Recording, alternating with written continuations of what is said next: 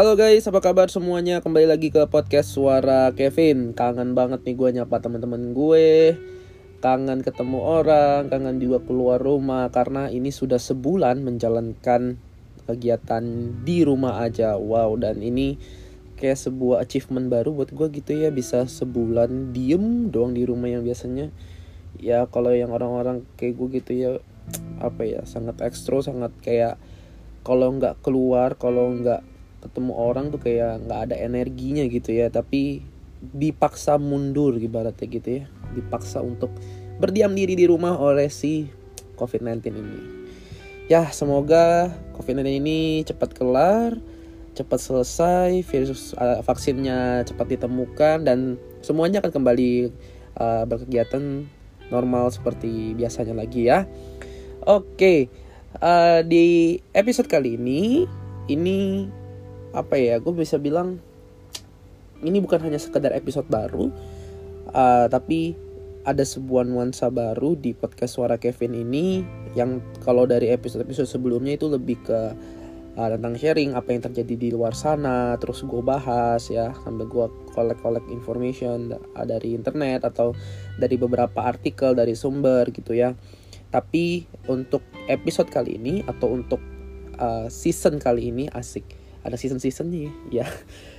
Untuk episode yang kali ini dan beberapa episode selanjutnya uh, gue mau bikin sebuah serial. Ya sebenarnya bukan serial-serial banget sih cuman uh, apa ya kontennya agak seger, uh, agak berbeda dengan yang tiga episode pertama yang kemarin uh, dan di episode yang kali ini uh, khusus di serial ini podcast serial ini uh, gue mau lebih tentang, uh, ceritain tentang uh, pengalaman pribadi hidup gue yang mungkin sangat cocok untuk uh, dibahas dan ya mau sharing-sharing aja tentang uh, pengalaman pribadi hidup gue gitu dalam beberapa hal nanti ke depannya. Nah sebenarnya gue juga cukup berat buat mutusin bakal bahas ini karena uh, menurut gue pribadi pun gue bukan uh, gue masih punya banyak banget kekurangan belum sepenuhnya baik banget gitu ya di mata orang-orang cuman uh, banyak juga requestan yang masuk terus banyak juga masukan yang masuk karena beberapa dari mereka tahu sedikit banyak latar belakang gue terus uh, teman main gue juga dan banyak yang mau tahu juga gimana sih lu bisa survive gimana bisa lu uh, apa ya melakukan kegiatan yang kayaknya cukup menginspirasi gitu. Ya itu baru kayaknya sih dan uh, ya itu membuat gue jadi semangat buat bikin podcast serial ini mengungkit kisah-kisah gue dalam uh, apa ya sebelum-sebelumnya. Dan menurut gue ini cukup menarik karena ke depannya pun gue bakal masih banyak lakukan kegiatan. Dan menurut gue kayaknya oke okay nih gue sharing tentang apa yang gue rasakan sendiri. Bukan lagi uh, dari kalau kalau podcast episode yang kemarin-kemarin untuk membahas tentang apa ya yang informasi-informasi ya itu juga tetap jalan gitu ya. Cuman untuk podcast yang ini uh, serial ini nanti gue akan kasih hashtag kisah Kevin. Nah ini ya ibaratnya jadi podcast serial uh, tentang ceritain tentang diri gue gitu. Dan semoga uh, podcast kisah Kevin ini uh, serial ini bisa diterima dengan baik sama teman-teman. Dan harapannya uh, bisa menginspirasi teman-teman dalam melakukan kegiatan kalian sehari-hari atau kalau misalnya punya kasus yang sama seperti gue mungkin ini bisa dijadikan bahan referensi untuk dalam kalian menghadapi uh, masalah itu oke okay? dan kalau mau diceritain tentang kisah gue itu gila parah banyak banget yang sedihnya gitu ya ya karena gue ya makanya kita nanti akan bahas satu-satu uh, per episode episode itu pun juga dari apa ya biasa gue buka question di story Instagram gue dan itu lumayan banyak yang komen gitu kan. Dan gue cukup apa ya uh, apa namanya jadi pengen aja nih bahas apa yang di uh, respon-respon dari kalian gitu. Dan salah satunya yang mau gue bahas di episode kali ini adalah uh, berkaitan dengan kejadian broken home. Yes satu kejadian yang menurut gua uh, banyak banget sekarang. Nggak cuma karena gue salah satu uh, apa ya tinggal di keluarga broken home juga sudah 11 tahun sampai tahun 2020 ini karena gue mulai broken home itu uh, dari Januari 2009 sampai sekarang udah masuk ke April 2020 kurang lebih sudah 11 tahun. Dan ada yang menanya gitu loh gimana gue bisa survive gitu. Karena karena aku udah broken home pasti kehilangan salah satu orang tua ya. Uh, pasti bagaimanapun vibesnya juga akan berbeda ketika orang tua kalian masih lengkap ataupun uh, ya meskipun broken home ada juga yang mungkin dari sisi uh, ayah dan ibunya itu mungkin masih berkomunikasi atau masih menghampiri anaknya. Tapi untuk dalam special case benar-benar sudah pisah dan tidak ada kontak atau hubungan sama sekali lagi ya pasti dari sisi psikis dari si anaknya ataupun uh, dari kegiatan uh, hidup kehidupan keluarganya itu juga pasti akan berbeda sekali dengan keluarga yang mungkin masih lengkap. Nah dari podcast ini uh, gue mau beranjak dari kisah hidup gue mulai dari um, ketika gue masuk ke kehidupan situasi uh, broken home dan bagaimana uh, gue bisa survive sampai saat ini gue kayak tidak merasa gue ini lagi ada di keluarga broken home gitu loh. Dan gue kayak oke okay, gue happy jalanin hidup gue sampai sekarang dan ya gue ibarat di luar ekspektasi gue gue bisa survive sampai uh, sekarang ini berdiri gitu atau punya status seperti sekarang ini ya menurut gue ini cukup luar biasa gitu. Kalau untuk anak-anak yang uh, mengalami masalah broken home untuk kalau kita ngomongin broken home gue udah broken home dari Januari 2009 yang kayak tadi gue sudah ceritakan. Uh, singkat aja pokoknya uh, ayah dan ibu gue berpisah papa dan mama gue pisah dan gue ikut mama gue sampai sekarang. Uh, gue punya satu adik juga dan adik gue juga ikut uh, nyokap gue sampai sekarang juga. Dan kenapa yang bi uh, apa ya broken home gue ini? Mungkin kasusnya nggak tahu teman-teman ada yang sama juga kayak gue atau uh, berbeda ya gue sih harapnya lebih baik daripada yang gue rasakan gitu. Karena ketika itu gue broken home itu gue ada di kelas 5 SD kalau nggak salah. Ya 5 SD dan gue mau naik kelas 6 karena Januari udah semester genap kan. Bulan Juni biasa kan udah naik kelas. Nah gue dari uh, di 5 SD mau naik ke kelas 6 SD lu bayangin ya guys. 5 SD tahu bokap nyokap lu pisah itu lu bisa menghayati seperti apa gitu ibaratnya. Yang di posisi saat itu kehidupan keluarga gue tuh cukup baik gitu loh. Ya gue nggak bilang gue sukses apa uh, bapak mama gue itu wow banget gitu nggak. Ya ibarat berkecukupan lah nggak kesusah nggak nggak kesusahan. Dan ketika saat broken home itu yang di Januari 2009 itu itu benar-benar berubah 180 derajat dari yang pakai analogi aja. Misalnya tadinya gue mungkin bisa minta duit saya anak jidat gitu tapi pas Januari mulai tak bulan Januari 2009 itu uang gue di stop. Gue udah nggak bisa minta duit lagi dan gue tidak bisa ya bahasa kasarnya gue sudah tidak bisa dapat uang jajan lagi. Itu sal analogi satu aja yang mungkin paling gampang dimengerti gitu dan sebenarnya masih banyak banget masalah di belakang itu. Nah dan gue sisi gue anak kelas 5 SD dan pada saat itu gue masih inget banget gue lagi suka sukanya main warnet ya point blank lah audition apa pun itu gue, ih gila itu lagi hypesnya vibes apa lagi hype banget gitu loh di hidup gue gitu loh. Tiap hari main warnet tiap hari pulang dari rumah uh, usahakan cari waktu dan cari cara supaya bagaimana main ke warnet even itu cuman hanya satu jam ya. Dan itu langsung berubah 180 derajat gitu nggak ada permisi dulu gitu ya nggak ada permisi lewat masa uh, resisi gitu parah banget nggak ada langsung di uh, kondisi langsung berbalik. Dan itu ya seperti yang gue bilang untuk anak seusia ketika gue uh, 10 tahun itu bisa ngerti apa. Dan di situ adik gue baru lahir. Adik gue belum uh, apa ya belum setahun.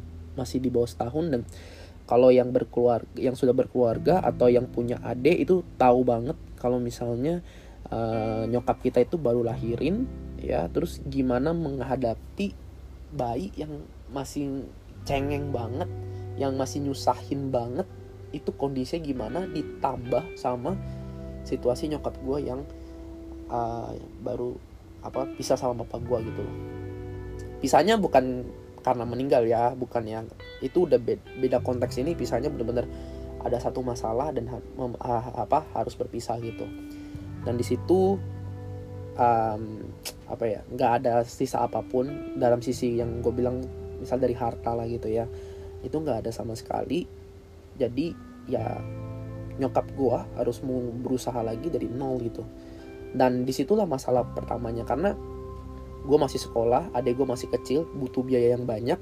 Dan seperti yang gue bilang uh, bokap gue pisah uh, ya masih adalah pas beberapa tahun awal itu awal, -awal beberapa tahun satu satu dua tiga empat lima tahun tuh masih mungkin masih berhubungan kontak-kontakan sama gue.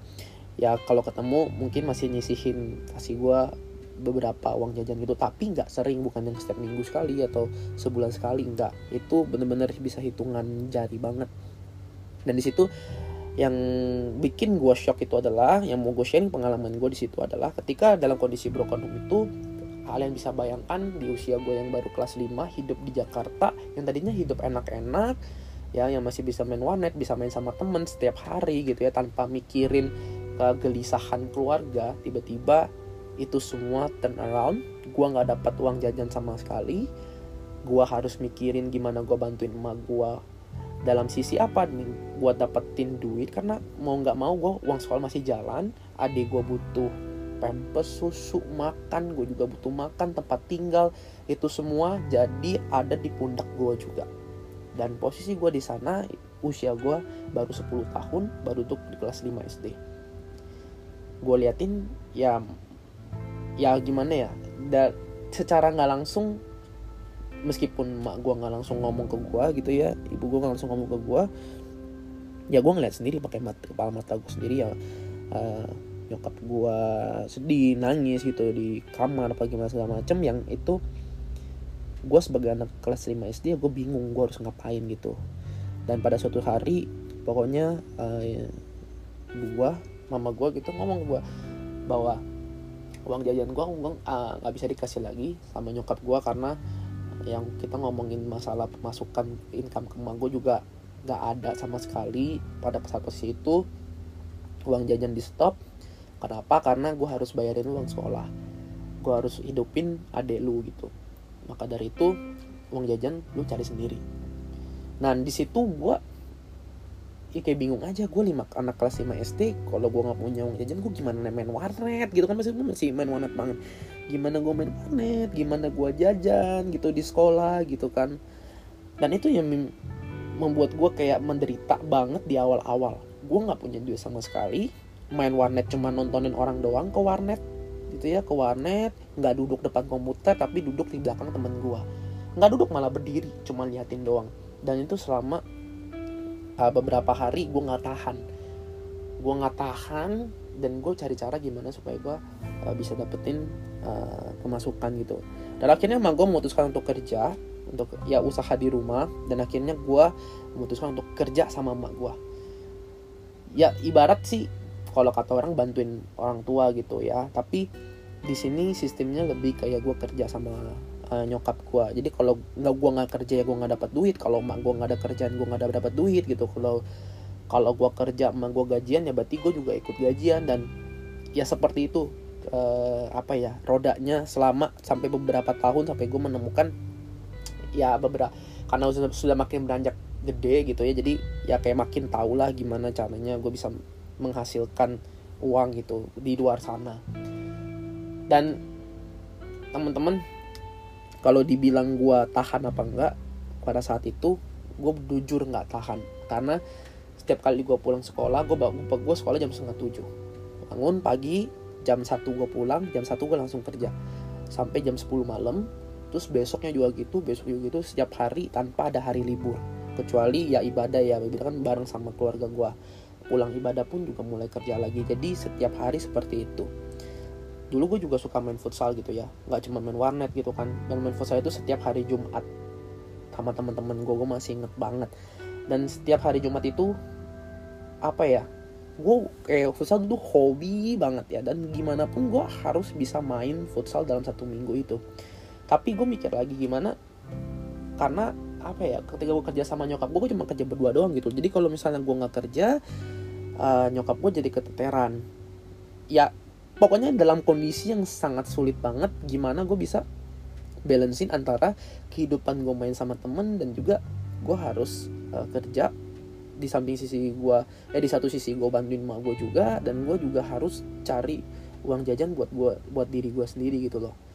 Nah itu cerita sepotong aja. Lanjutannya nanti akan di episode selanjutnya karena kalau pak ini nggak bisa nggak bakal bisa cerita sampai habis gitu loh karena panjang banget kisah untuk gue bisa survive dari broken home ini gitu loh. Dan dalam uh, uh, 15 menit yang udah gue omongin ini gue cuma mau sampein satu hal aja. Ketika di tahun 2009 itu ketika keluarga gue mulai masuk ke broken home itu gue sudah memikirkan gue apakah uh, ibarat gini apakah gue bisa sekolah lagi? Karena jujur dulu kayak karena kelas 5 itu sekolah itu apa ya kayak sebuah bukan gak wow banget gitu di mata gue kayak namanya bocah gitu kayak males banget gak sih sekolah gitu. Zamannya gue mah yang penting kayak sekolah datang ketemu guru main sama temen gitu.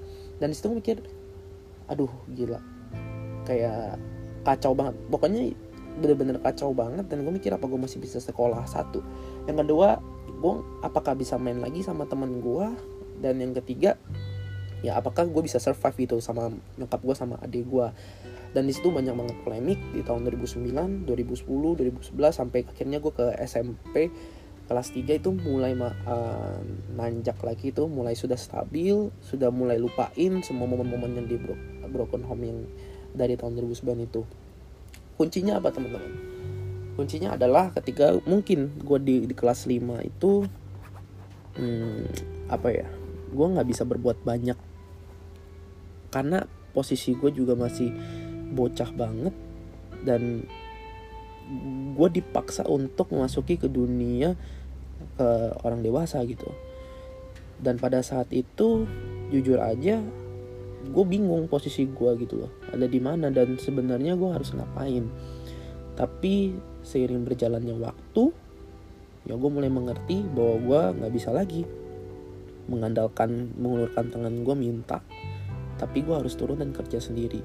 Dan di awal kelas 5, di kelas 5, kelas 6, SMP 1 itu gue bener-bener hilang jam main gue dan itu menjadi terbiasa. Nah makanya kenapa sih gue bisa ngelewatin itu semua? Gue nggak orang-orang yang mungkin idealis banget yang berprinsip banget gitu ya. Tapi teman-teman percayalah gue murni itu karena kepepet ya karena kalau gue nggak ngelakuin itu semua mungkin gue sudah tidak bisa sekolah gue udah nggak bisa main sama temen gue juga gue nggak bisa ngapa-ngapain. Nggak mungkin gue nggak bisa hidup sampai sekarang kayak gini. Meskipun ya gue nggak bilang gue uh, wow banget gue punya rumah kayak istana atau gue punya mobil mewah nggak. Gue nggak punya itu sama sekali. Tapi gue memiliki hidup yang jauh lebih baik daripada uh, 10 11 tahun yang lalu gitu. Kuncinya adalah kita harus apa ya adjust masing-masing kehidupan kita. Itu masa-masa sulit pasti ada di setiap kehidupan orang ya. Nggak mungkin cuma hanya enak-enaknya aja. Masa-masa sulit tuh gue yakin banget teman-teman pasti lewatin setiap tahun pasti ada aja. Tapi masalahnya adalah gimana kita hadapin masa sulit itu. Ketika gue kasih 5 SD gue nggak ngerti sama sekali masa sulit itu gue cuman hadapin ya udah gue jalanin aja ya udah gue jalanin aja nggak ada yang tahu toh ke depannya akan seperti apa. Dan akhirnya depannya sekarang seperti ini gue gitu bisa ngelasin hidup yang lebih baik daripada 10 tahun yang lalu. Tapi kalau 10 tahun yang lalu ketika gue mutusin ah gue nggak mau gue cepet gue tetap mau minta uang jajan doang. Gue nggak mau kerja buat apa. Gitu kan. Dan akhirnya pasti gue akan ya ibaratnya ngelunjak gitu ya. Gue akan ngelunjak yang mungkin gue nggak bakal ya gue pasti mungkin akan jadi preman bakal bakal jadi anak berandalan di jalan apa gimana segala macem. Dan ya gue bersyukur banget gue bisa hari ini dan mungkin gue bisa cerita sedikit ini uh, teman-teman di podcast uh, episode yang pertama ini untuk kisah Kevin. Semoga di episode yang kedua nanti gue akan lanjutin lagi tentang serial Broken Home gue gimana ketika gue sudah mulai masuk ke fase SMA karena dari SD sampai SMP gue tetap uh, pure kerja sama nyokap gue doang terus dapat uang per minggu gitu kan. Dapat uang per minggu dan gue gunain itu untuk kehidupan gue untuk main dan juga untuk jajan gue di sekolah. Karena kan dulu SMP ya bisa buat apa uang itu kan. Pasti ya buat kalau nggak buat jajan ya buat gue main gitu. Dan di episode selanjutnya nanti akan gue ceritakan gimana ketika gue mungkin sudah mulai dewasa ya karena udah mulai SMA sudah mulai tahu seluk beluk kehidupan gitu ya. Uh, di episode selanjutnya nanti akan gue ceritakan tapi dari kisah yang dari SD sampai gue SMP ini gue gue jujur aja gue sampai sekarang juga nggak ngerti kenapa gue uh, bisa ngelakuin hal itu semua. Tapi yang satu hal yang pasti yang bisa gue kasih tahu adalah karena gue benar-benar kepepet karena gue butuh main gue butuh jajan dan kalau gue nggak uh, setiap hari itu gue pulang sekolah langsung kerja dan memangkas jam main gue ya gue nggak bakal bisa dapetin uh, uang sama sekali untuk menghidupi diri gue sendiri gitu loh. Dan buat teman-teman di luar sana yang keluarganya broken home juga yuk kalau misalnya mau minta sharing ke gue mau tips ke gue gue sangat welcome banget. Karena jujur banget gue tuh apa ya kalau ngeliat keluarga yang berkontom ya gue juga ngerasain apa yang di posisi mereka gitu loh. Gue ngerasain ketika 10 tahun lalu gue mulai broken home atau segala macam.